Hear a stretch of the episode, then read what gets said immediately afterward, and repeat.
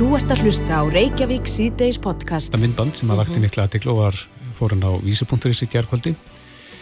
E, það var maður sem að var að mynda róttu sem að var á gangstétt held ég á Kársnesinu. Já. Þegar að máur kemur aðvífandi og ræðist á róttuna. Og tekur hann róttuna, flýgur hann með hana. Já, svona virðist vera að, að hann grípa hann í þennista með sér. Já, þetta er alveg magna. Ég vissi ekki að það væri svona sterkir. Nei, en mér heyrðist, ég fekk nú svona pínu hérna, baksöguna á bakvið þetta. Mér skilst að þessi máfur sé alin upp af fisksala. Nú. Fisksali sem ekki vorum að borða en, en fisksalin er farin í frí. Já, þannig að hann fyrir bara sjálfur að redda þessu. Hann þarf að sjá hann sér sjálfur og hann gengur undir nafninu Stormur, þessi máfur. Já, já. Steinar Marberg Egilson, myndir eðir, sérfræðingun okkar í þessu málum er komin til okkar. Velkomin. Er þetta algengt að mávar ráðist á róttur? Ég held að ráðist hún bara á allt sem þeir geta þannilega svona til að afla sér fæðu. Ég er alltaf matselin. Já, ef þeir, við verðum var við það til dæmis á, þeir fyrir seint heim á kvöldin Mm -hmm. og eða nættuð undir morgun að þá eru mávatni farnir að tínu upp eftir okkur eftir Já, Ruslið. ruslið Já. og ég menna það er alveg vitt að mávar sæki egg og, og fari reyður og unga og Mhm. mís og já, já, þetta er Er, er vitað, sko, eru þeir mjög sterkir? Hvað geta þeir, heldur, lift þungu?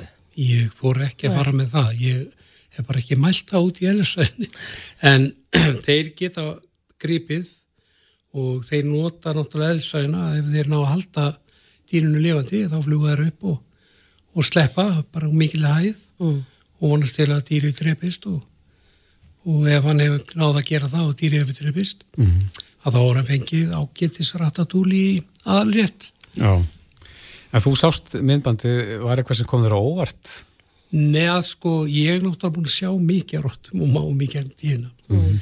Og það sem ég fannst svona flottast af þetta myndband, það var viðbröðinni á rottunni, uh, stökkið og, og þegar hún er að kasta sér frá, sko. Já, já hún verður vör Hún við verður máin. vör við rétt áður en að Já, hún slapp sem sagt. Nei, hann næra grípi hana, hún Hann- kasta sér samt til, sko. Já, Það fannst mér alveg mjög flott að sjá og Mhm. á fíla gaman fyrir þann sem var að taka þetta upp að, að ná þessu svona mynd. en er algengt að rottur komið svona upp og séu bara rölt eftir gangstéttum? Já, já, það er, máli er að sko á, vor, þetta, oft á tíðum er þetta ungar. Og ég er ekki að segja að þetta sé ungi, ég náttúrulega get ekki séð það á þessu myndum. En uh, ráttu ungar fara oft á skjá á vorin. Og þetta eru bara eins og úlingarnir okkar, eru bara að skoða heiminn. Sjá svona aðeins kringu sig og, og þú nefndir náttúrulega að þetta væri eður á kastins í Kópói og ég þekki nú aðeins til þar. Og þetta er ekki því fyrsta skipti sem að við verðum vörfi róttur þar.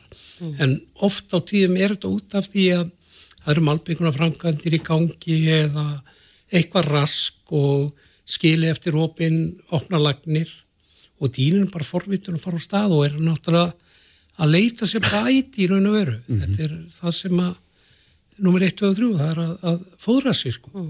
Og þá oft sjást þær á vorin á flakki sko. En þó að þessi stærðamunur þarna á máinum og, og rottunni, hann er stærri máurinn, en það er ekkert sjálfgefið að, að máurinn hafi betur.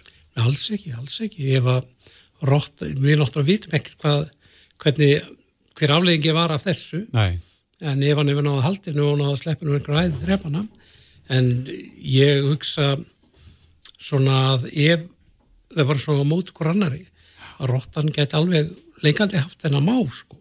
Hún er mjög beittatennur og, og klær og hún ræðst á alveg sama hvort er ég eða annar eða búið króan af.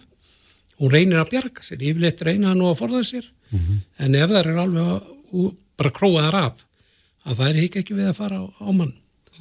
Og hérna, en þetta er í rauninu veru keppna á milli tvekja dýra um æti já, og þetta er annars vegar fljúandi rotta og hins vegar gangandi af því að sílamáður gengur undir því Já, eru mávarnir svona kallaðir, hinn er fljúandi, hinn Já, er þeir, rottur. þeir eru náttúrulega í sama fæði og, og, og rottana í afgöngum öðrum. Þannig að þetta er rott verið kallað fljúandi rottur.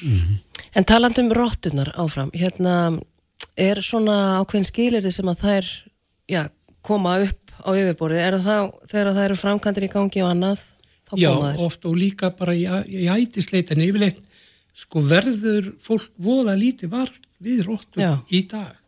Það er búið að vera mjög gott hér í höfuborginu og höfuborgstæðinu og víðan land svona reynd að halda róttu niðri með eiturgjöfum í annað fílikt og ég, þeir hafa staðið sér mjög vel í því og uh, hér áður fyrr þegar ég var yngri ég man alveg eftir að maður var að fara á gamlu ösku högana og, og, og það, maður sá bara mikið að rótt og bara út um allt. En uh, ég þetta er oft, segi ég bundi við að, að hérna, það eru framkvæmdir í gangi Já. gamla lagnir. Þetta er mikil breyting samt við hvernig það var hér áður fyrir Þannig að róttur og mís er ekki, ekki á sama stað. Þarf ekki endilega að vera, ég hef alveg lent í húsi sem hefur verið bæði. En þetta er allt málið að fæ, ná sér í fæðu. Hvað geta róttur? Hvað geta róttur? það er geta nánast allt. Það er fara, Hvað er helsta fæðið þeirra? þetta er bara ímiskonar kjötleifar þú veist, eh, bara brauð, að, í raun og veru Er það að geta það sem að við hendum? já, meðal annars, já, þess vegna, sko, þess að segja ef þú skilur eftir ruslaboka úti með mataleifum öðru og þú veist að rotta, rottu í hverfinu að þá er ekkit óæðilegt og hún fari í það. Hún, þetta er náttúrulega bara fyrir eðliskött að, að fæða sig og unga sína. Alveg svo við gerum við reynum að fæða okkar og okkar unga þannig, þannig að þetta er allt byggt upp á sama kerfinu. Gæti ég, að ég veit uh, þeir sem er að sumabústað og annað, þeir eru ofta að kljást við músagang. Gæti, gætum við átt vona því að, sjá róttur upp í sveit? Nei, ég held að það sé litla líkur á því. Er það meira fyrir borgina? Já, þær eru yfirleitt í kringu þessi rotta sem við erum með, þessi norska rotta, að hún er í skorplagnkerfinu, mestmægnis.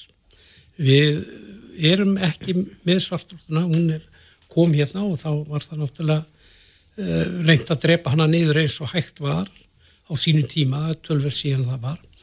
En yfirleitt eru róttur, ég svona sagði á fyrir að það væri svona línur frá sjáarkampi og vist langt upp í land sem róttunar eru og það hérna og síðan náttúrulega geta að ferðast út um allt holræsakerfið. Já, já. Er þetta þessar svo kallu klóagróttur sem að Já, þessi þetta er tegund sem er hér? gangandir ímsu nöfnum sko.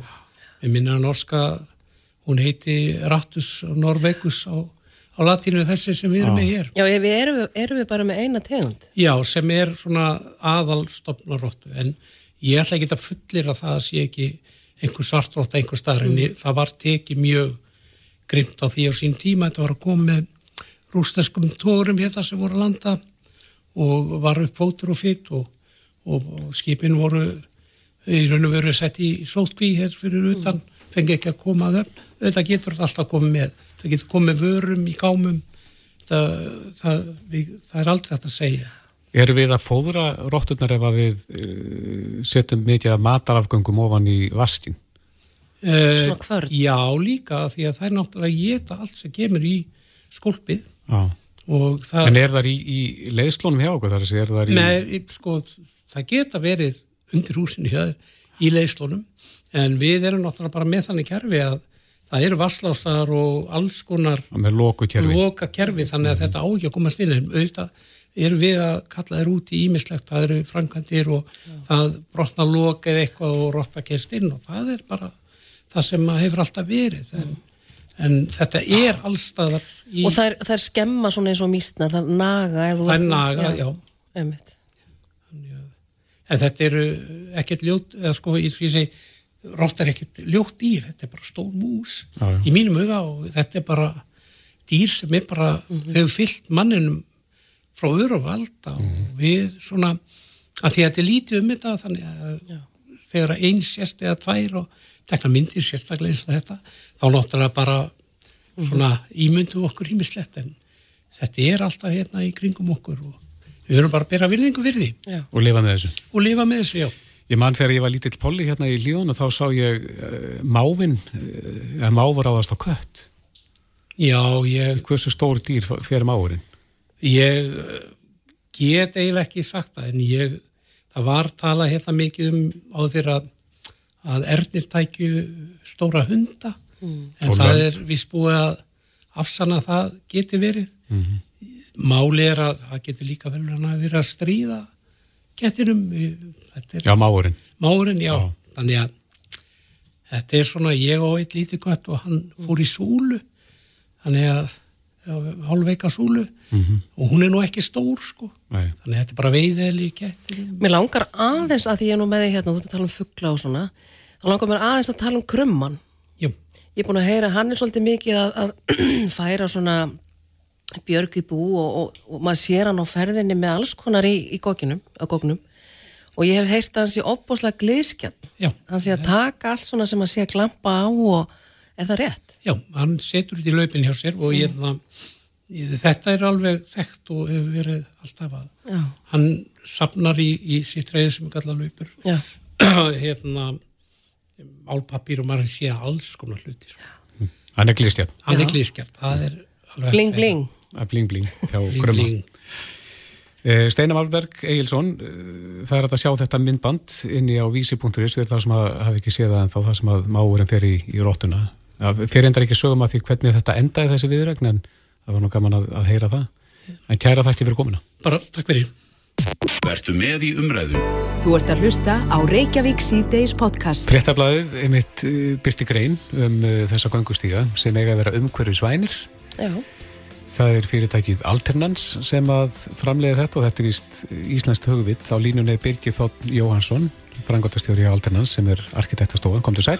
Sjálfur sér. Þetta er Íslandst hugvitt. Jú, við höfum verið að hanna þetta í, í mörg ár núna í, í fengum styrkt frá teknifránarsöði mm -hmm. fjögur ári röð og með þeirri, um, þeirri aðstóð þá höfum við náðu að gera alls konar uh, prototýpur og, og náðu að þróa þetta vel Já, þetta kallast upp á enskun á Hovering Trails. Er þið með Íslands nafniður þetta? Já, svífandi stígar Svífandi stígar, já. E, og segðu okkur aðeins af, af hugmyndinu, grunn hugmyndinu bakvið, bakvið þetta. Já, hugmyndin kemur henni við vorum í, fórum í samkeppni sem gera stíg á þingvöllum Mm -hmm. Kárastæðastík sem gengur niður í Almanningjá Já, og, og uh, þar var ég með uh, sem belgiskum verkfræðing sem er sérfræðingur í brúargerð mm -hmm. erum með stóra belgiska verkfræðstof sem vinnur um allan heim og uh, þannig að ég fekk þá með mér í, í þessa hönnun fyrir alla teknilega hluti og fannst törfin vera virkilega mikil við lendum öðru sæti í þessari samkeppni og síðan í framhald af því þá langaði okkur að þróa meira þessa stíga og búa til virkilega, búa til vöru. Grunn hugmyndinu það ekki er að valda sem minnstu jarði raski. Já, sem sagt að geta gert staði aðgengilega án þess að skemma þá. Og uh, þannig að stígarnir geta uh, er með mikla burða getu, geta ferið 6 metra uh, mikil burður án undir stað og eru mjög þunnir, ekki náma 20 cm á þygt. Mm þannig að þeir svífa yfir og eru áli og kvantunum er ekki náma bara halvu centimetr Mhm. þannig að, þannig að þeir aðlæðast landslæginu og geta farið alveg að hlýðum eða hverju sem er og uh, þannig að uh, vatn og allt jarvatn og regning og annað slikt og mosi og allt öllu er hlýft Þannig að þetta lítur að að henda mjög vel það sem að já, umhverfi er mjög erfitt eins og hraun og á hverasvæðum og það sem að mýrar eru og annað. Já, þetta er sérstaklega að hugsa náttúrulega fyrir viðkvæm svæði Hvar eru þessi stígar núna? Hvað getur maður að fundið þá á landinu? Þeir eru komin upp yfir 200 metra við skíðaskálinn í hveradölum undir hengli. Það er rétt við þjóðveginn sem maður fer út og fer að skíðaskálunum og, og þar getur maður endur eitthvað mjög fallegt hverasvæði sem er uh, bara ótrúlega merkilegt og, og, og, þar getur horst hann í hverjana og sé mósan og alla, all það sem er að þrýfast þar -hmm. í kringum hverjana. En svo er þetta fjarlæga þessa stígið það ekki og eða færa það til án þess að það sjáu á náttúrunni. Já, þarna eru til dæmis settir upp með gerðarskrúum og það er nú að skrúa það bara upp aftur. Fyrst fjallaði maður, losa maður einingarnar og einingarnar er, þeim er bara rent og hjólabretti og ná einingarn sem fyrir til staðar. Þannig er að setja það upp og þannig er þetta að taka það tilbaka aftur og til dæmis á þessu ferli það upp í hverjadölum þá færðum við til stíga og þetta var ákveðum að bæta við útsýnispalli og, og, og fleiri skiltum og það er alls konar fylgja einingum. Þannig að það eru líka svona svífandi pallar og þá upplýsingaskilti um hitt og þetta í sama gera á þetta. Já.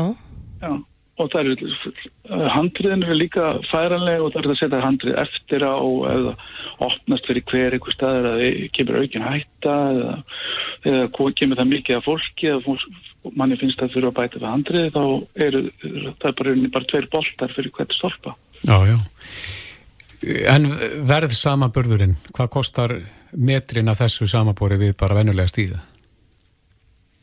Já, við vorum í samanbörð við það sem var upp á þingvöldum og hlutvarslega með endingu þá erum við náttúrulega ótyrir heldur en stimpustíðar út af því að það er svo mikið viðhald að en, en hlutvarslega náttúrulega eru í, í framlegslu eru þessir álstíðar náttúrulega dýrari heldur en timbrið en mm -hmm. uppsetningin náttúrulega miklu fljótlegri og síðan líka ef maður hugsa um líka landslægið og hvers virði það sem er að fara yfir þá náttúrulega eru þeir orðinirinn er margvært ótyrir. Mm -hmm. er, eru menn hrifnir að þessu? Er, eru það að fá fyrirsputni hérðan?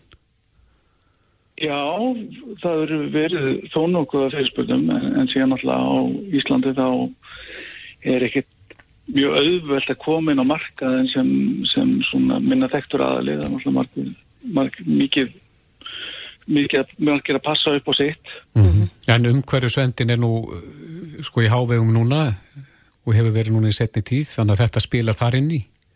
Já, já og síðan alltaf líka sérstaklega hjá fáfólki hjá Frankværtsjóðu ferðamanna þá hafa þeir mjög jákvæðir og, og, og styrt uh, ítrekkað upp í hverjartölum alla þessu stegagerð og þeir styrstu líka svona stiga fyrir mývat það er náttúrulega ekki ennþá komið upp en þar fenguðu líka styrkt þess að setja svona stiga og uh, það eru hjá háskólanum um, þeir sem er að vinna í þessu eru allir mjög jákvæðir og, og fengið mjög gott og góða umsökt frá þeim alls það frá. Já, en það sem að þetta er nú svona á, á flotin að segja er engin hægt á því að þetta fjúti burt?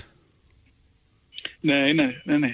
Þetta er eins og rauninni eins og flugvelabengur og, og er jafnstert og, og flugvel þannig að þetta þólir allt og ef það færist eitthvað til út að það komi ykkur hverir eitthvað hlust þá er þetta stilla þetta af, aftur. En nú hafið þið tryggt ykkur engaleifi á þessu hugverki hafið þið, er það stefna okkur á sókn Erlendis og þá hvar?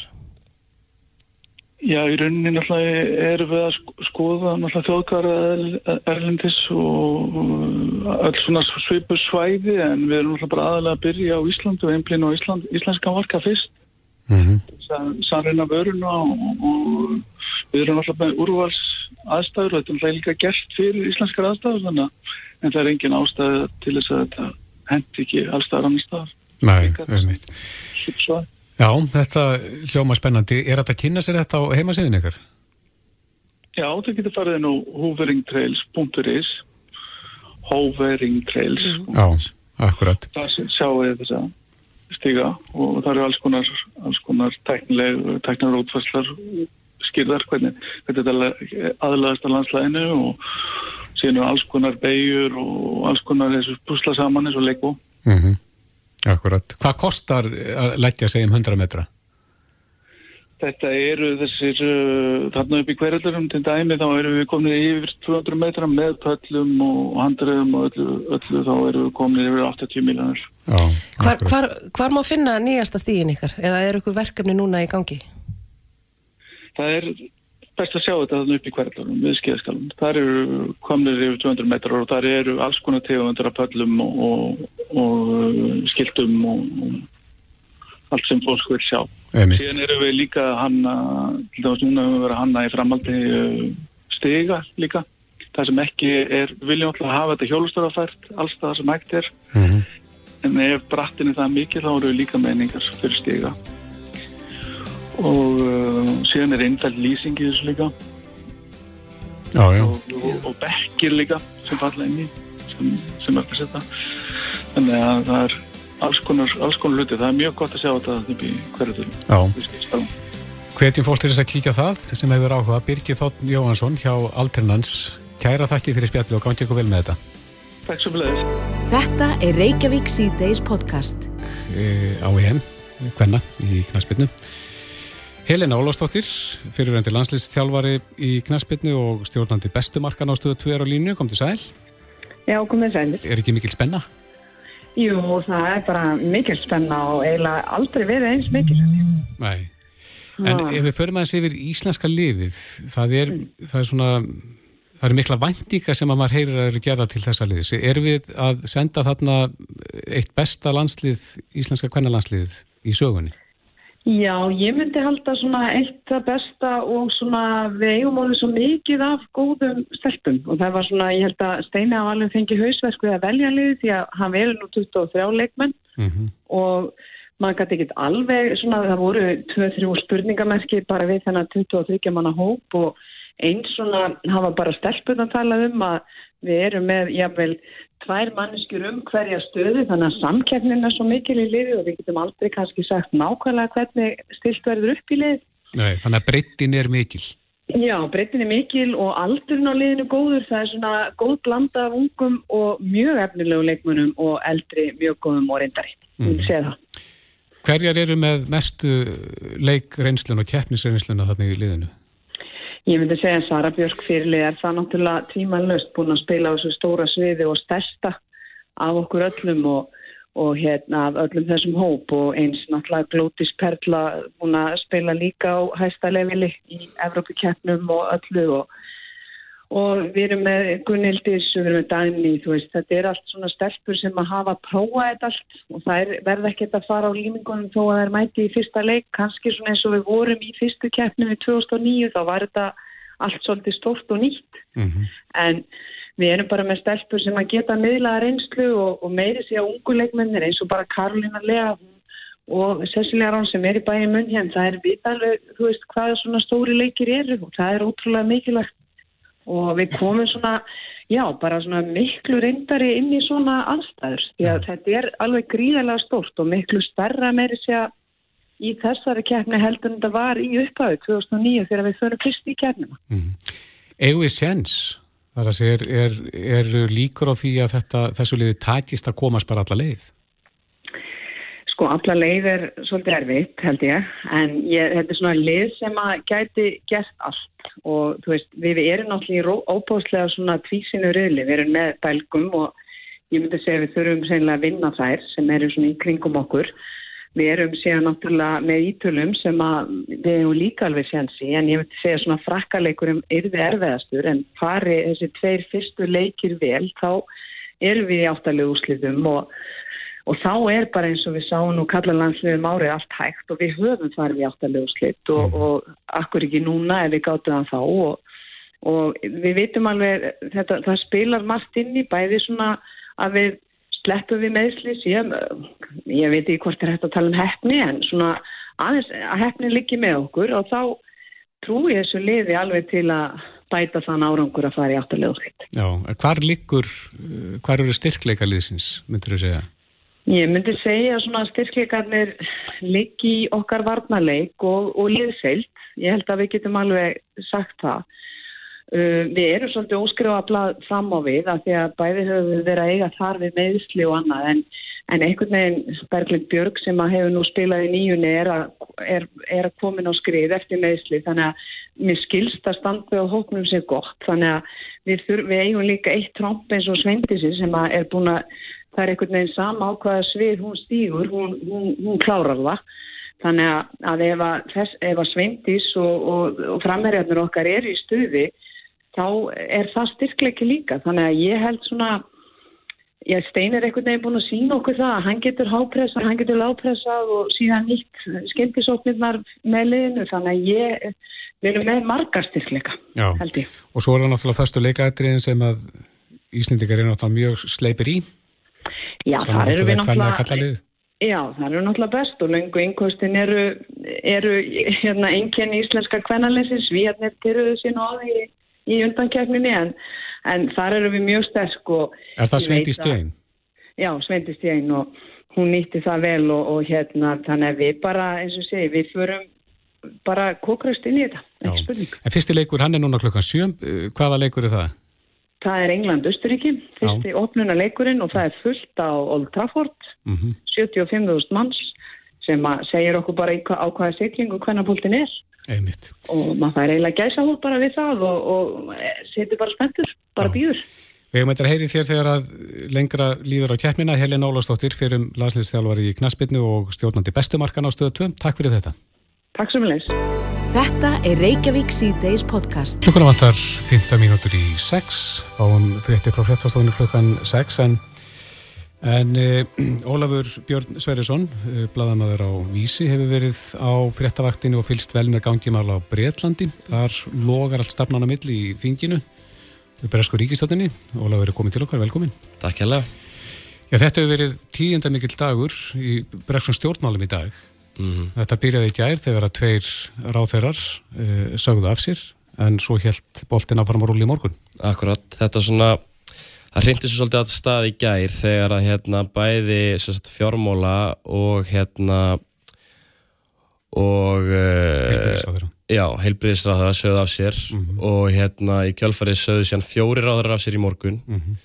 Og hérna og svo tóku við síðan sagt, fyrirspurnatími á breska þingun í dag þar sem að að spjótin beindust eðlilega Boris og hérna já og það má segja svona að hann hafi verið svolítið bara í köðlunum í dag Boris í allan dag og svo eftir það fór hann síðan á fund með þess að uh, kallast senior MPs þar sem að þar sem að það var ennþá hart sótt að honum. Og hérna já og það var það er hérna og staðan núna er svo að uh, ein með þess að af, af þeim ráðherrum sem að Boris skipaði í gerkvöldi uh, hún hérna Nadim Sahavi í stað sem sagt fjármálaráðherran sem sagði af sér hún er í hópi þeirra ráðherra sem er núna í, í dáningstræti eða sögð vera á leiðin í dáningstræti til þess að hvetja Boris til þess að segja af sér. Þannig að það er í rauninni fókið í flest skjól og, og hérna og það er í rauninni útlitt bara fyrir það núna að þetta sé allt í rauninni að hérna komið á endastöð hjá Boris Þetta er, er tölurðu fjöldi af er það ekki ráþeirum og embættismönnum sem hafa sagt af sér í, í gær og í dag. Hvað er þetta orðin stór hópur? Jú, emitt, það, er, það er bara hefur verið að bæta stofan á þennan lista bara í allan dag frá því í morgun og hérna og sagt Sky News greinafræði núna að það séu komnir 37 embættismenn, ráðherrar og þingmenn breska íhaldsflokksins sem hafa sagt af sér og hérna og það heldur bara áfram að bætast á og hérna sumir reynda að telja að hérna sé, þetta sé svona hvað maður að segja já, við erum náttúrulega hjartýr og, og hérna margir vilja kannski koma sér í seguliði núna að því að mm. margir íhaldsmenni telja bara að hérna Borismunni alls ekki alltaf bara alls ekki ganga vel í, í næstu kostningum þannig að þeir vilja koma sér einhvern veginn undan honum Já, flýja sökvandi skipum. Já, flýja sökvandi skipum má segja þannig að þetta má segja að það sé svona kannski hluti af þessu en það er náttúrulega ótrúlegir hérna einhvern veginn uh, ótrúlegt hvað Boris hefur stað af sér samt sem áður bara síðustu mánuð og ár í rauninni. Og náttúrulega síðast bara fyrir má, sléttu mánuði síðan þar sem að hann stóð á sér vantristilluguna uh, sem tengdist hérna partíhöldanum í, í hérna Dánustræti. Já. í dánistræti Í miðju COVID-inu þannig að en núna verðist þetta hafa verið svona kortni sem fylgdi mælinn það var þetta hérna það var þessi vittneski hans af uh, ásökunum kynferðis, uh, Já. um kynferðisbrot sem að hérna á hendur Pincher uh, sem að sagt, Chris Pincher þingmaður í Allsvorkin sem að kom með sagt, tvær ásakanur á hendur honum um, um kynferðislega árætni hann hafi káfað á uh, öðrum uh, sagt, hérna starfsmönnum þingsins. Einmitt. og já, það verðist hafa verið svona kortni sem fylgdi mælinn allavega fyrir, fyrir þá sem sögðu, sögðu af sér í gær. Einmitt. Mér finnst svo margt sko, sem að er búið að vera svona einhvern veginn í gangi með Boris undanfarið, það er partíhaldi og þetta nýja kynferðslega áreitn og svona, já það er eflust eitthvað meira, en mér finnst sko, hvernig er það eins og með fórsættisráð þeirra, sko ef að fólki líkar ekki við og fólk vil losna við viðkomandi, er það ekki hægt? Jú, það er mitt það sem að eh, kemur í ljós núna að hérna á næstu sannilega bara þeim dögum þá verður vantarlega lögð fram önnu vantristillaga núna. Og þá er allavega tölvört líklega að hún verið samþygt en sérst breska stjórnarsáin hver á um það samt að hérna það verði alltaf að vera fóstistráðara við völd. Þannig að það tæki sennilega, þetta gerist náttúrulega síðast með Theresa May fyrir hvað fjórum-fimm árum síðan. Hún var púið í burtu Já. Algjörlega og hérna þá var hún samt, það tók samt tvo mánuði fyrir hana endanlega að Að víkja Já, víkja. Hún sagði reyndar af sér áður en að koma að því að, hérna, að kjósa um þessa vantristilu, um, um misminir ekki. En hérna, það er, það er hérna, já, möguleikin. En sko, já, En, en ef að að hann verður samþygt eða hann segir af sér, þá verður búið til kostninga. já, það verður búið til kostninga og hérna, það er það sem að Boris vill ekki núna. Nei. Hann segist, hérna, hann seg, segir reyndar verka lífsflokkin vera að hérna reyna að forða umræðinu frá þeim góðu verkum sem að hann hefur hérna staðið núna undanfarið og það var reyndar svolítið skondið að fylgjast með hvernig hann náða, náða hérna koma koma hérna boltanum frá, frá þeirri umræði og yfir á þessu góða sem hann hefði gert byrjaði, byrjaði fundin í morgun á því að tala um hérna, skattalækkanir og, og mikið hleyið mikið hleyið í hérna Í salnum. Já, í salnum, í þingheimi uh, og hérna en sem sagt það er svolítið sko bresku minnandi tala um það líka að hann hérna leiðtogi leiðtogi verkalýsflokksins Verkamannaflokksins. Ég uh, hafi staðið sig vel hérna, hann Kýr Starmer. Já, einmitt. Uh, hann stóð svolítið vel í hárinu á honum í, í morgun og hérna, menn tala um að þetta hafi verið svona hans besta framistæða á svona fyrirspilnutíma Já. og hérna, þannig að það er einhver sem að binda vonu við það að hann gæti orðið ein- einhvers konar já, farsætt leiðtói verka mannaflokksins sem að hefur allavega ekki verið mm. síðustu ár. Það, En hver stendur svona í, í fremstu röð með því, sko, ef hann stígur til hliðar er Mm. það komið á hreint hver vinn þá, já, hugsanlega geta tekið við af honum? Af Boris? Já. Ég, það er erfitt að segja sko, það er einmitt spurning hvernig, hvernig hérna, flokkslínunar eru innan íhaldsflokksins núna, hvort að það verði einmitt eins og Sati David, það eru margir sem eru hrifnir á honum, heilbriðsararnum sem að hérna, af sér í gær. já. Uh, hann, það var líka í dag í þinginu og þá tók hann til máls eftir fyrirspilnatíman og það var svolítið áhrifamikil ræða þar sem að hann hafði talað um miklar áhyggjur af því hvernig sko bara nýja kynnslóðin liti á íhaldsflokkin ef hann tæki ekki hart á þessu þú veist, þá hérna þá væri líkur á því að, að hérna, íhaldsflokkinu væri í rauninni bara að stefna í einhverja alltaf átt en, en hann ætti að vera að gera. Uh, þannig að það er spurning sko hvernig, hvernig það, það er náttúrulega of snemt að segja til það núna. Já, en, en hérna það er spurning hvernig línunar verða ef að hérna Boris fer frá völdum. Það er ekki held ég það er ekki beint ljóst hvaða hva, hver arftaki hans sé sko. Nei, ekki enda Nei. En e, þetta eru, þessi tíðindi eru bara að gerast núna þessa, þessa stundina. Já, við erum bara að fylgjast með þessu núna. Og bresku millarnir eru á fullu bókstaflega að hérna Þetta er bara á rauntíma eins og við, já. Algjörlega og bara það er vakt hérna hjá hverju miðlinum á fætturöndu sem bara uppfærist eh, með, með hverju mínútinu og hérna og og ég segi, nýjustu tíðindin eru þau að, náttúrulega mjög skondið að þetta sé alltaf snúast bara auglastlega í höndunum á, á, á Boris að, að þessi hérna, nýji ráðherra sem að skipaði í gerkvöldi sé einn af þeim sem er að núna hvetjan til þess að segja af sér. Þannig að það er spurning, maður spyr sér í rauninni hvað hvað er eftir hjá honum sko. Og þið fylgjast vel með gangi málin á vísi.is og svo náttúrulega minnum við á kvöldverðinnar klukkan hálf sjö. algjörlega, Já. Kæra þetta fyrir komina, Ólafi Björn Sverrisson, Bladamara Vísi. takk hérlega Reykjavík síðdeis á Bilginni podcast. Hún hefur vætið aðtekli fréttin um umsækjetur um bæjastjórastólinn í hveragerði. Já, það eru nokkuð sem að sækja um þessa stöðu Já, svona nokkur þekkt nöfn. mm E, og meðal þeirra sem að sæti þarnum er Vigdís Haugstóttir sem hefur nú gert garðin frægan í pólitíkinni í borginni og Já, já. reyndar áður á, á alþingi en, en Vigdís er á línunni kom til sæl. Já, komið sæl. E, við rétt náður að þú stingur á landi eftir ekki að fara eh, til Nýs í Fraklandi. Jú, ég er svo heppin að hérna, það er jómfrú að fluga Æslandir til Nýs í, í dag Já, og þegar við sáum þennan nýja áfangastafið til februar mars hérðin konunar þá ákveðum bara að fara í fyrstu ferð og, og það er, það er svo dagur í dag. Já, en uh, nafn þitt hefur kannski vætið mest aðtegli á, á þessum lista. Þú, þú sætir hérna um bæjastjórastólinn í, í hveragerði. Hvað ekkuðið til þess? Já, eins og þau kannski veitir þá hætti ég í borgarstjórn núna uh, við síðustu setjastjórnarkostningar og þá verði ég náttúrulega að fara að kíkja í kringum mig að leita mér að vinnu og þegar ég sá hérna hér ómótstæðilega starf að vera sveitastjóri hveragerði þá bara sló ég til. Mm -hmm. Ég, ég hef sterkar taugar til staðarins, ég er náttúrulega varðið í garguskólanum og kendi svo þarna var prófdómari og, og hérna þannig að ég er, ég er vel kunnug staðnum. Mm -hmm.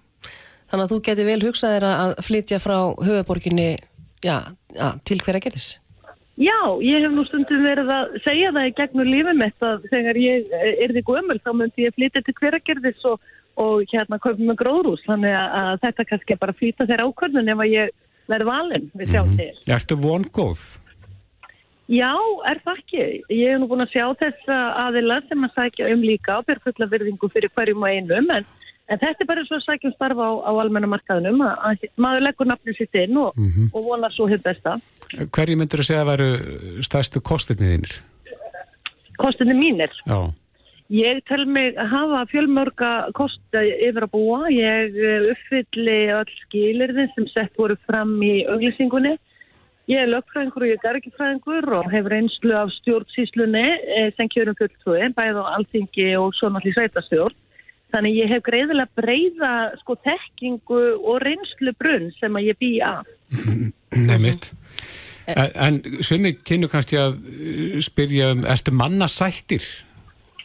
Já, ég er mikill mannarsættir og, og allt talum annað er eh, sprottið undan rivjum minna anstæðinga í politíkinni. En nú hef ég hatt það svið, politíska sviði sem kjörum fulltrúi, þannig ég er nú að vonast til að, að þessar rattir þakkni smá saman. Eh, ég hef sagt að, að þegar ég var formað af fjárlænendar, þá þurfti ég að eh, sætta mjög ólík sjóna með allra flokkar sem sátt á þingi og það var nú talað um það að það hefði nú hérna verið alveg afskaplega farsalt það samstarf þegar ég var formaðu þar sem segir nú kannski bara sína sögu. En eh, ef þú erði nú fengir þessa stöðu, hvert er þitt fyrsta verk? Já, það fyrsti ég að sjálfsögða ræða við nýkjörna sveitastjórn því að eh, ef að ég fæt þessa stöðu þá sest ég hinum að ég með borði. Mm. Ég þekki mjög vel valdmörk kjörna fulltrú á ennbætsmanna og það eru kjörnir fulltrúar sem ráða för en sveitastjóri framfylgir þeim ákvörðun sem að meiri hluti sveitastjórnar setur honum fyrir. Mm -hmm. Þannig að ég get ekki sagt hvað er með fyrsta verk vegna þess að e, þarna mun ég koma til með að ljúta, lúta veir, e, vilja meiri hluta e, sveitastjórnar. Já, hvað ert að gera hans í dag? Segjum að þú farði ekki þetta starf. Hvað, hvað er Víktis Högstóttur að gera? Já, þá held ég bara áfram að sækja um störn og, og ég er náttúrulega eins og aðrið fyrir að, að vinna fyrir mér. Þannig að ég er nú ykkur að segja í smá fríi núna og, hafa búin að segja það ég ætlaði að leika með fyrstu tvo mánuðina og meðan hérna eftir kostningar og, og ég er akkurat að því með því að fara þarna hitt á Jónfrúanfljóð til nýs. En Já. svo þegar ég kem heim úr því fríi þá svona fer ég að kíkja enn frekar í kringum mig. Ætlaði það að snúða þér að blómónum? Ég var alveg svolítið lúin á politíkinni í Reykjavík eh, snúa mér á blómanu. Ég hef alltaf grepið af og til í blóminn til að halda mig við. Ég er náttúrulega fyrsti Íslandsmeistarinn í blómastreitingum og hef mjög sérkennilega meðað við flesta mentun að vera gargifræðingur og lokkfræðingur. Þannig að ég til að, akkurat það að ég hafi lægt í gargiskólunum á hveragerði og kynst þessu sveitafélagi þá eins og það var, að það hjálpi mér í þessu starfi því að það eru ekki náttúrulega græni geirun og Ísland ekkert mjög stór og og ég þekkir nú flesta innan hans þannig að ég kem þarna í byrðið fram e, tvíelda til leiks. Og hvenar, hvenar kemur það í ljós? Hvenar, hvenar tekur nýju bæðarstjórin í hver að gera við? Nú veit ég ekki. Þetta er alltaf hendir ráðningaskristofunar og svo verður að sjálfsögðun í e, kjörin meiri hlut að gera þau upp með hverja e, þeim líst á í starfin. Já, kemur það þeirra óvart að þitt nafn skulle veitja svona með klategli? Ég veit það ekki en, en ég vona bara að það leiði til góðs fyrir mig mm -hmm. En uh, þetta var nú kannski alveg svolítið viðbúið sko að, að þetta myndi vekja aðtegli en, en hérna kannski ekki svona mikla. Nei. Vigdís Augstóttir, við segjum bara bestu hverjur og góða ferð til Nýs í, í Fraklandi, Jónfrúaferð Æslandi er þangað, kæra þakkir og gangið þið vel. Kæra þakkir, takk fyrir. Hlustaðu hvena sem er á Reykjavík C-Days podcast. Þetta voru viðbröð margra í tjálfarskotar ás í Bandaríkjanum og Nóri og í Danmörku, auk atbyrðað í Íslandi tengt skotvopnum og ofbeldi. Þetta segir Grímur Allarsson í byrjun á sínu pisli sem að byrstist inn á vísi.is og eh, ber yfirsögnina eða fyrir yfirskriftina orsakýrist af afleðinga hættum að vera hrætt mm. og grímur er komin til okkar eh, frangatastjóri Geðhjálpar, velkomin. Velkomin. Takk. Já, nú beina menn sjónu sínum að geðheilbyrðismálum og, og sjá þarna beint samhengi á milli þessara voðaverka og geðheilbyrðis Já, það er það er kannski svona það er svolítið mennst að, að leita einhverja einfaldra orsaka og, og, og finna einhverja sko í raun skýringar, það er kannski alveg eðli okkar og alveg eðlilegt. E, en þetta er ekki svona mínum aðti okkar hefur geðhjálp og þeirra sem eru inn í þessu kannski að starfa með í málaflóknum rétta leiðin það eru vissulega þá, þá eru ímislegt sem að má segja að sé að og eitthvað slíkt en niðurstaðan getur ekki verið svo að fara og skella, já nú þurfum við að loka fólk inni, nú þurfum við að, að hérna, þurfum við að herða hluti, meira öryggi og annað. Hvað er það sem að veldur? Hvar mm. eru ossakið þess að, að fólk grýpur í ofbeldi? Hvar liggja þessar ossakir? Hvernig, hvernig verður manneskja þannig til að, að hún, hún geri fremji voðaverk? Erum við að byrja á röngum enda? Já, að, sko, að vissu, sko, já, að mörgu eiginlega öllu leiti. Það er, það þarf að sjálfsögðu að huga að þessum afleiðinga enda líka. Það þarf að búa vel að, að, að geðdeldum, það þarf að búa vel að heilsugjæslu, það þarf að búa vel að þessum þáttum. En hvernig er það þegar að, þú veist, við erum á leiðin í, í þennan heim? Hvernig búið að okkur þá? Hvernig búið að verðandi fóraldrum? Hvað fá þau að vita um í rauninni tengsl og mikilvæg þess að að tengjast barni sínu og, og búa því í öryggi og á þessum tíma uh -huh. og hvað gerir svo þegar barni kemur í heiminn við erum mikið að velta fyrir okkur sko, já við þurfum að lengja leikskólan og við þurfum að gera þetta og hitt til þess að fólk vilji búa í, í sveitafélagunum en akkur hugsa við ekki er ekki betra að, að við auðveldum foreldrum uh -huh. það að vera með þessum börnum sínum? Akkur skilja 50% foreldra á fyrstu tveimur árunum þegar eftir fyrsta bann það er 50% akkur er það svona hátala þarna eru við fann að tala um miklu flóknari mál og orsakir og annað sem eru auðvitað ekki hrist fram úr erminni að laga en við höfum að vera þarna og fara síðan að skoða hvað getur við gert í leikskólanum, hvað getur við gert í grunnskólanum hvernig komum við veg fyrir að jaðarsetja fólk hvernig komum við veg fyrir það að fólk eignist ekki, börn eignast ekki vini og, og, og svo áfram. Þannig að þetta er svona eins og þetta sé eitthvað hræðslu áráðu sem er bara að herja á okkur hérna í umfyllunum á þessu. Þetta er einhverju leiti líka því þetta ítur undir fordóma, þetta ítur undir það að fólk með gerðanar áskorunni fremji ábeldisklæpi frekar en annað fólk uh mhm. -huh. og það er bara ekki rétt í rauninni. Það er lítilsáttar aukning við mjög, mjög hérna, flókin vanda hjá fólki eh, sem er mælanlegur. En þeir sem að búa við gerana ráskorunni hins vegar tíu sinu líklega að verða fyrirápeldi og það er eitthvað sem að veldur, það er jáðarsett, jáðarsettir hópar verða fyrir meira ofbeldi heldur en aðrir uh mhm. -huh. og þetta eru hlutinni sem við þurfum að skoða það er svo auðvelt að segja að þessi er hættulegu við þurfum að loka hann inni, það sé svona við þurfum að fyrirbyggja, en þá erum við ekki að koma í vekk fyrir neitt, þá mhm. erum við ekki að taka á því sem að ætti verið að taka á Nei, en það hefur reynda komið fram í umfjöldunum þetta voðaverk í Fíls í Kaupmannahöfn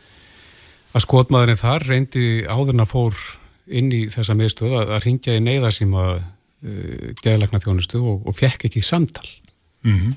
og menna var svo sem verið að tala um það að, að þetta vil lengi verið í, í hérna, slæmumálum hér geðhelbriðismálin ekki þessu stjórnum þetta er bara í rauninni löggrétt sumarlokanir og annað slíkt þetta, það, þannig er það og við auðvitað sem þjóð ættum að hugsa hvað er það, hvers vegna eins og við hefum svo sem ég er bent á. Hvers vegna finnst okkur eðlilegt að selja banka og, og setja 2,1 miljard í ráðgjafana en setjum síðan 45 miljónir í sjálfsvísforhóttnir ungra barna í 5 ár. Hvers vegna? Mm. Akkur finnst okkur það eðlert sem samfélag? Akkurju eru geðheilbreyðismál 25% af uh, hérna heilbreyðiskerfinu uh, en við setjum bara 4,6% af fjármagninu í geðheilbreyðismál af heldinni. Þetta, þess vegna eru deildir lokaður. Þess vegna eru við með mönnun sem vantar, við þurfum að bæta mentun. Þess vegna eru við með hugmyndafræði sem er ekki nýtísk og nútíma hugmyndafræði málflokkum og þess vegna lokum við deildum á sumrin og þess vegna er í þessi staða. Mm -hmm. Hvernig stöndu við svona í sambandi við þessi mál með að við Norðurlöndin til dæmis? Við stöndum ekki vel. Nei. Það hefur alveg komið fram að Ísland stendurinn í samaburðið við önnu lönd ekki vel þegar kemur ekki helbyrðismálum. Mm. Uh, sérstaklega þegar við miðum okkur við þessi kannski lönd sem við viljum mið okkur við. Það kom nú hér um daginn, það var tryggingafélagið William Russell sem gerði rannsókn á því hvernig væri, hvar væri best að búa uh, svona út frá geðhelsu sjónamiðum mm. og nokkri þættir meðal annars hvernig kerfið væri og svo veður far og fleiri þættir. Og, og Ísland væri neðstasæti á þessum lista, það voru 26 ríki. Chile var fyrir nán okkur næsta sæti, við vorum með 1,6 af 10 Svíþjófa með ha? Hvað dróð okkur niður? Svo margt, það er meðal annars kerfið sem er eins og það er. Við erum ekki með gott kerfi. Veðrið dróku líka niður. Það er erfitt hérna á Íslandi. Þetta er ekki, en þú veist þetta voru bara allir þættir, við skoruðum ekki vel. Nei, við eigum auðvitað að vera bara toppnum að það, við erum í þannig við erum þannig samfélag við erum mm. það rík og eigum í rauninni svo gott. Mm. þetta er bara forgangsöðum, við svona eigum svolítið erfitt með að það eru auðvitað flókið að vera stjórnmálamæður í skilða vel, það eru auðvitað auðveldar að segja við þurfum bara að gera eitthvað eitt núna. Þetta er svo stór pakki þegar við erum búin að borga 4,6% þegar við ættum að borga 20% mm -hmm. Í ára tugi þá auðvitað er bylið orðið mjög mhm. mikið, þá er vandin orðin langur mikill og stór. Og en, en við viljum eins og ég segi, þetta er hluti af þessum svo kallar afleðinga enda það að geta ekki náði neyðarlínu eða hjálparlínu, það er svona afleiðingaendin en orsakaendin, hvers vegna er maður einmanna hvers vegna er maður í komin á þann stað að hann, hann kjósi að grípa til þessa, þessara verka og meðal annars, þú veist, auðvitað vitum við það að, að, að eins og við erum rannsakað í bandaríkjónum að það að komast í fjölmiðla fólk sem er bara búið að vera algjörlega afskipt og einmann og enga vini og lagt í einelti svo árum skipti að þeir eiga það sammert sem að, að, að hérna, hafa fram í margir þessara aðila mm. að svo leita þeir í, í það að, að það er bara, þá er ég frægur að því að mm. þá einhver sem tekur eftir mér, þetta er þetta mjög mjög brengluð mynd af fólki og, og, og skrítin en við, við hljótum að ef við viljum í rauninni koma í vekk fyrir hluti þá eigum við að hugsa þetta svona stórt Já Þú talar hérna um fyrirbyggjandi aðgerir í greininni til þess að koma í veg fyrir að einstaklingur e- einangri sig og, og já, bara misti tök á andlir í heilsu. Hva, hvað nefndir þú? Já sko, við öll, sko það er svo mikilvægt við getum öll og eigum öll á öllum tímum lífsokkar að leggja stund á gæðrækt eins og við eins og sem bóðað mm.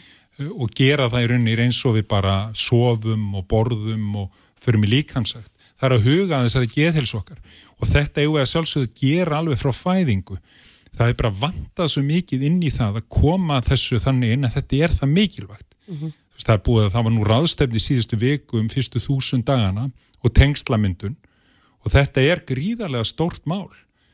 Þessi áföll sem að börn verða fyrir í æsku vegna skilnaða, vegna ofbeldis og heimili, vegna vandraða vegna alls þessa. Og svo höldum við áfram svona í gegnum lífið. Kom í vekk fyrir það að til dæmis eins og ég bendi á og við bendum á að öryrkjum vegna gerðarna áskoruna við fjölgaðum 250% á síðustu 30 árum á Íslandi. Þjóðinni hefur ekki fjölgað eða landsmönnum hefur ekki fjölgað á sama tímanum um hérna 40%. Hvers vegna erum við að missa svona marga úr virkni? Hvað erum við að gera til að koma í vekk fyrir það? Þetta er meðal annars jáðarsetning fólks.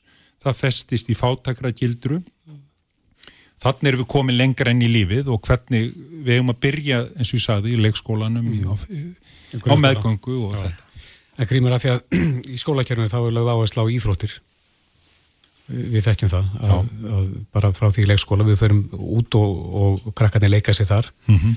Svo kemur grunnskólinn og, og það eru íþróttakennara sem að sjá um að halda börnum á reyfingu en, en vantar þá hinn, þetta er líkamlegi þátturinn, en vantar andlega þáttinn hann inn í þetta líka?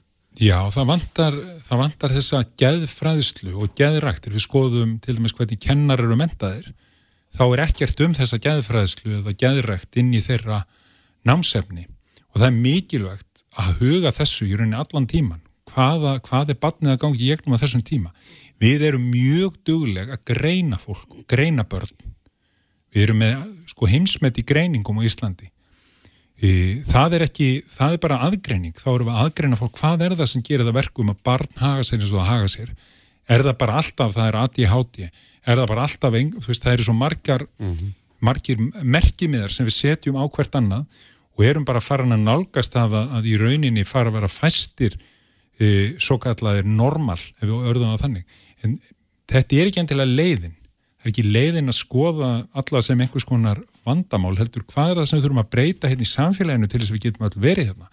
Og þeir eru komið í grunnskólan, hvernig getum við verið hér í skólanum og hvernig fáum við þrifist og hvernig best að gera þetta til þess að einstaklingurinn komi út úr þessu skólakerfi uh, heil og auðvitað er þetta fóraldra hérna ábyrð líka. Við þurfum að bara setja ábyrðinu það sem hún er og hjálpa fólki að leysa þessa ábyrð þannig að við drögum úr þessu í staðins að vera alltaf bara fyrir neðan fossin og grípa fólk sem er að koma þar og missa marga. Hefur maður að fyrir ofan og komið vekk fyrir að fólk sé alltaf að sigla fram að þessum mm. fossi.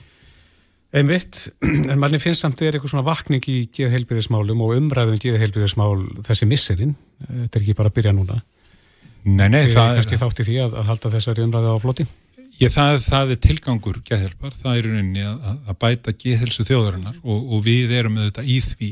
Mm -hmm. Geðhjálp er samtök notenda þeirra sem hafa nota þjónustun og eru með gerana ráskorun, er aðstandendur og allra hinna og, og það er bara munaða bara, við erum öll með þessa geðhelsu. Þetta er ekki eitthvað, þú veist, við meðum ekki hugsuða þannig að þetta sé bara þeir sem eru konum með merkið með hann, sko. Einmitt.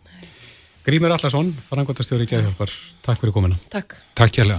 Það er allt í kringum þig. Reykjavík síðdeis á Reykjavík síðdeis á Bilginni podcast. Þegar ég á frétta við Ríkisútarsins að komu gjald upp á 7 eurur eða um 1000 krónur verður tekið upp á næsta ári fyrir mm. ferðarmenn sem koma til Íslands frá löndum utan Európa-sambansins og Schengen.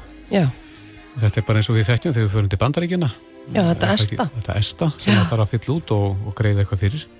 Mm -hmm. Og þarna er upphæðin 7 eurur en þetta er, skils mér ekki upphæð sem að uh, ríkið færi í sinn hlut í þeimist ekki alla upphæðina Jón Gunnarsson dónsmálar á þar er á línni sem hefur með málaflokk landamæran að gera kom til sæl Já, góðan daginn, sælverði Er þetta, þetta er ekki tekju öflunarleið, er þetta ekki fyrst og fremst öryggisatriði? Jú, þetta er hluti á þessu samstarfu okkar með uh, sannsagt sjengen þjóðunum.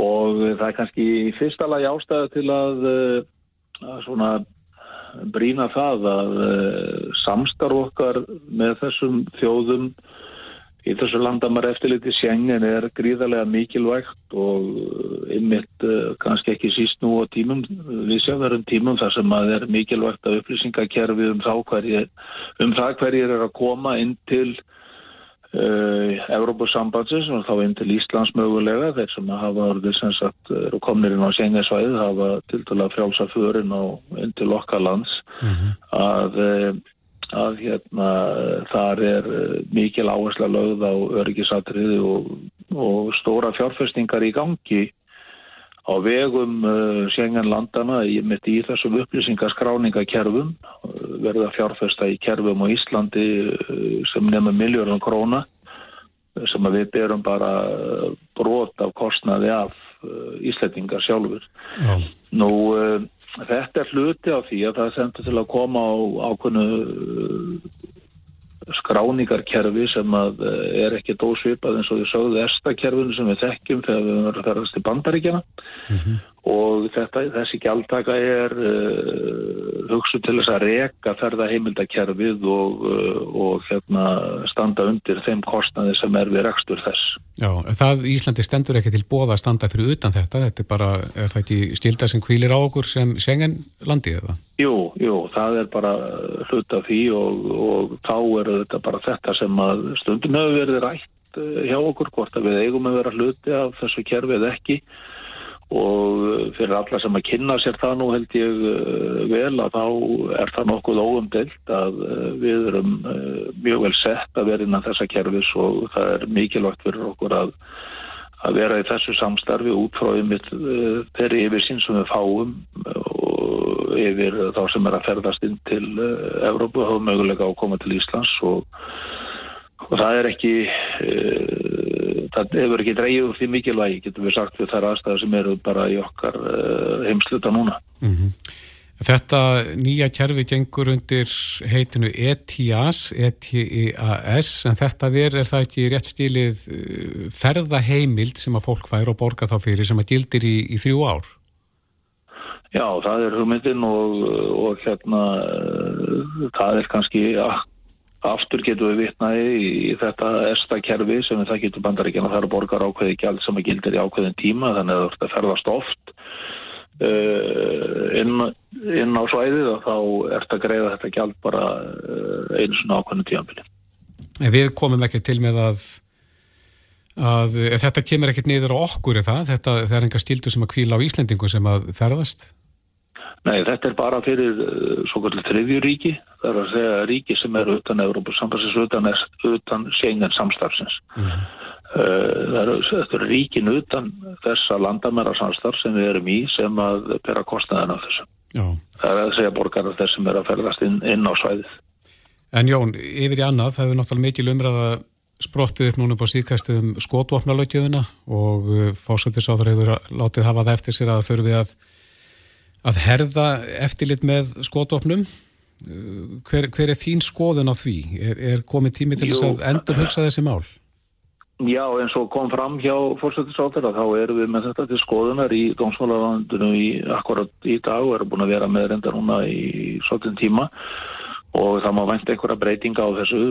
Fyrst er nú til að eh, taka það samt í þessu að eh, við erum við öllum samanbyrði til að mynda við Norðurlöndin þá erum við til að stranga skotum frá lögjöf en það hefur verið bent á það að við þurfum að skoða sérstaklega aukning á innflutningi í- til dæmis á hálsjárvirkum og sjálfvirkum vopnum. Þeim við fjölgaðu undan fyrir ár.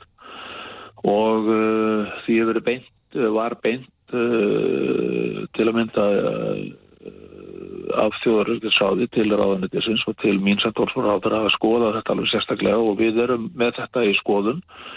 Og uh, það er uh, ljóst í okkar huga við þurfum að uh, skýra betur heimildir og efla heimildir lögreglu til eftirlits og, og hafa svona almenn skýrari ramma utanum alla framkvæmda grundöldi lagana og það er verið að vinna því uh, núna í uh, gerð, við gerð lagafrumar sem að má þá rekna með að komi fram á höstingi uh, á þessu ári.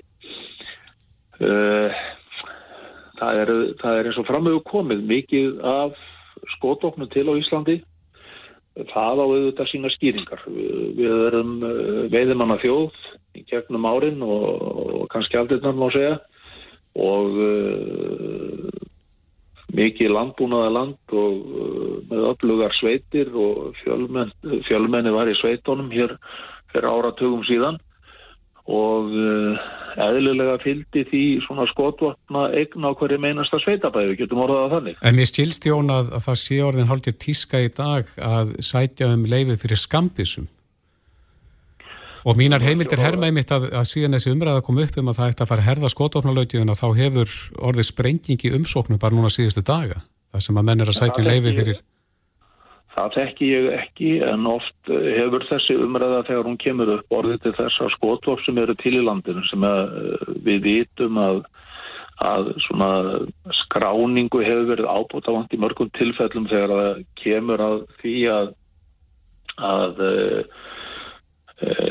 einhverju sem hafa haldið á skotvopnum haf jafnvel ekki haft vissuleifi þetta þekki maður nú bara úr sinni eigin fjölskyldu hafa hérna átt uh, haglabissu eða riffil eða eitthvað slíkt og þetta er kannski hverki verið skráð þegar upp er staðið. Og uh, það er oft fyllt svona umræðu að það verður mikið um það að menn stíga inn og vilja skrá vopp sem að hafa lent í þeirra höndum. Jáfnveil menn sem fólk sem voru kannski flestum fólk sem með skótofnarleifin, þetta kemur kannski frá ættingjum sem hafa fallið frá og uh, endar í þeirra höndum. Uh, þannig að ég veit ekki hverja skýringar þeirra á þessu, ég hef ekki hirt af þessu sem þú ert að, uh, að nefna núna Þorkir, að það hefur orðið einhver, einhver alda eða einhver mikið lökning á þessu síðustu daga, ég hef ekki upplýsingar um það, en, en ég þekki það af umræðu í gegnum tíðin að oft hefur það, þegar þessi mál komast í kastljósi þá er það orsakað að menn hafa sagt að ég er hér með eitthvað sem ég þarf að skrá. Mm -hmm. og það er eðlilegt. En það þarf þó að skoða það sérstaklega að mér að ræða influtning á, á skambisum en sérstaklega hef, hafa uh, svona þeir sem um þetta fjallað haft áhyggjur af því að það hefur fjölgað mjög hérna influtningi á hálfsjárvirkum og sjálfvirkum vopnum. Og, og við erum að skoða þetta regluverk ítrekka það að við erum með tildulega strangt regluverk með að við uh, það þjóðir sem við berum okkur saman við þessu Norðurlöndin það er, uh, þú þetta fara hér á námskeið og, og, og ákveðin próf til þess að fá skotamhælið í dag þetta hefur tekið miklum breytingum á undanförnum árum hjá okkur og verið þrengt mjög að möguleikum að fá skar á skóta. Mm -hmm. Hvað með að uh, gera heimildi lauruglu ríkari til þess að hérna, taka vopn af þeim sem hafa gert setjir um alvarleg uh, ofveldisbrott? Mér finnst það nú blasa við að, að hérna, það líkir bara í augum upp að lauruglan þarf að hafa mjög vítakar heimildir í þeim öfnum ef að mennur að misnóta þau leifir sem þeir hafa fengið og... En menn er ekkert endilega misnóta leifin eða er ekkert endilega teknið fyrir sko brota skotopna lögum en, en svona fyrir ofbeldi glæpi það sem að menn eru kannski líklegi til þess að beita ofbeldi Ég, að... að skoða, ég er bara sammálið því að það fyrir að skoða það sérstaklega í þessari yfir, yfirferð okkar núna og, og við erum að gera það. Við þurfum að taka þetta miða því að við búum í því miður í breyttir heimi og, og hérna Eh, það er margt sem að bera að horfa til og þarf að horfa til í þeim efnum. Eh, það eru þetta eh, skotofnu og leifi og annað til þess að halda þeim og eiga þau þarf að skoða en við erum líka bara í mikilvæg skoða núna á Eh, skipulagri brotastarfsemi og ofbeldistarfsemi almennt og breytingum á lögjöf til samræmis það sem er nágrann, hjá nágrannvöndum okkar í þeim efnum. Þetta er allt sem mann að mínu mati hluti af einni stóri myndar sem að púslinir aða saman í, í einhverja nýja veröld og eh, ég hef sagt það áður að við eh, eigum ekki að þóla Eh, neinar undanþáur í því að, að okkar samfélag verði áfram örugt og við stígum öllu skrið sem við þurfum að stíga til þess að treysta það að Íslands samfélag geti verið eitt af örugustu samfélagum í Evrópu. Mm. Þannig hefur þetta verið hjá okkur, við hefum getað státað okkur af því og við hefum að vera á þeim stað áfram. En endur skoðan á skotumhaflugum, finnst þið brínt að ráðast í þá vinnu sem fyrst? Já, hún er í gangi. Já, og já. Hvena verður henni lótið? Já, henni, það má rekna eins og ég sagði á hann, það má rekna frumvarpi uh, frá mér um þessi efni í höst á höstingi. Mm -hmm. Jón Gunnarsson, dómsmálar á þeirra, kæra þakki fyrir þetta. Takk sem leiðis.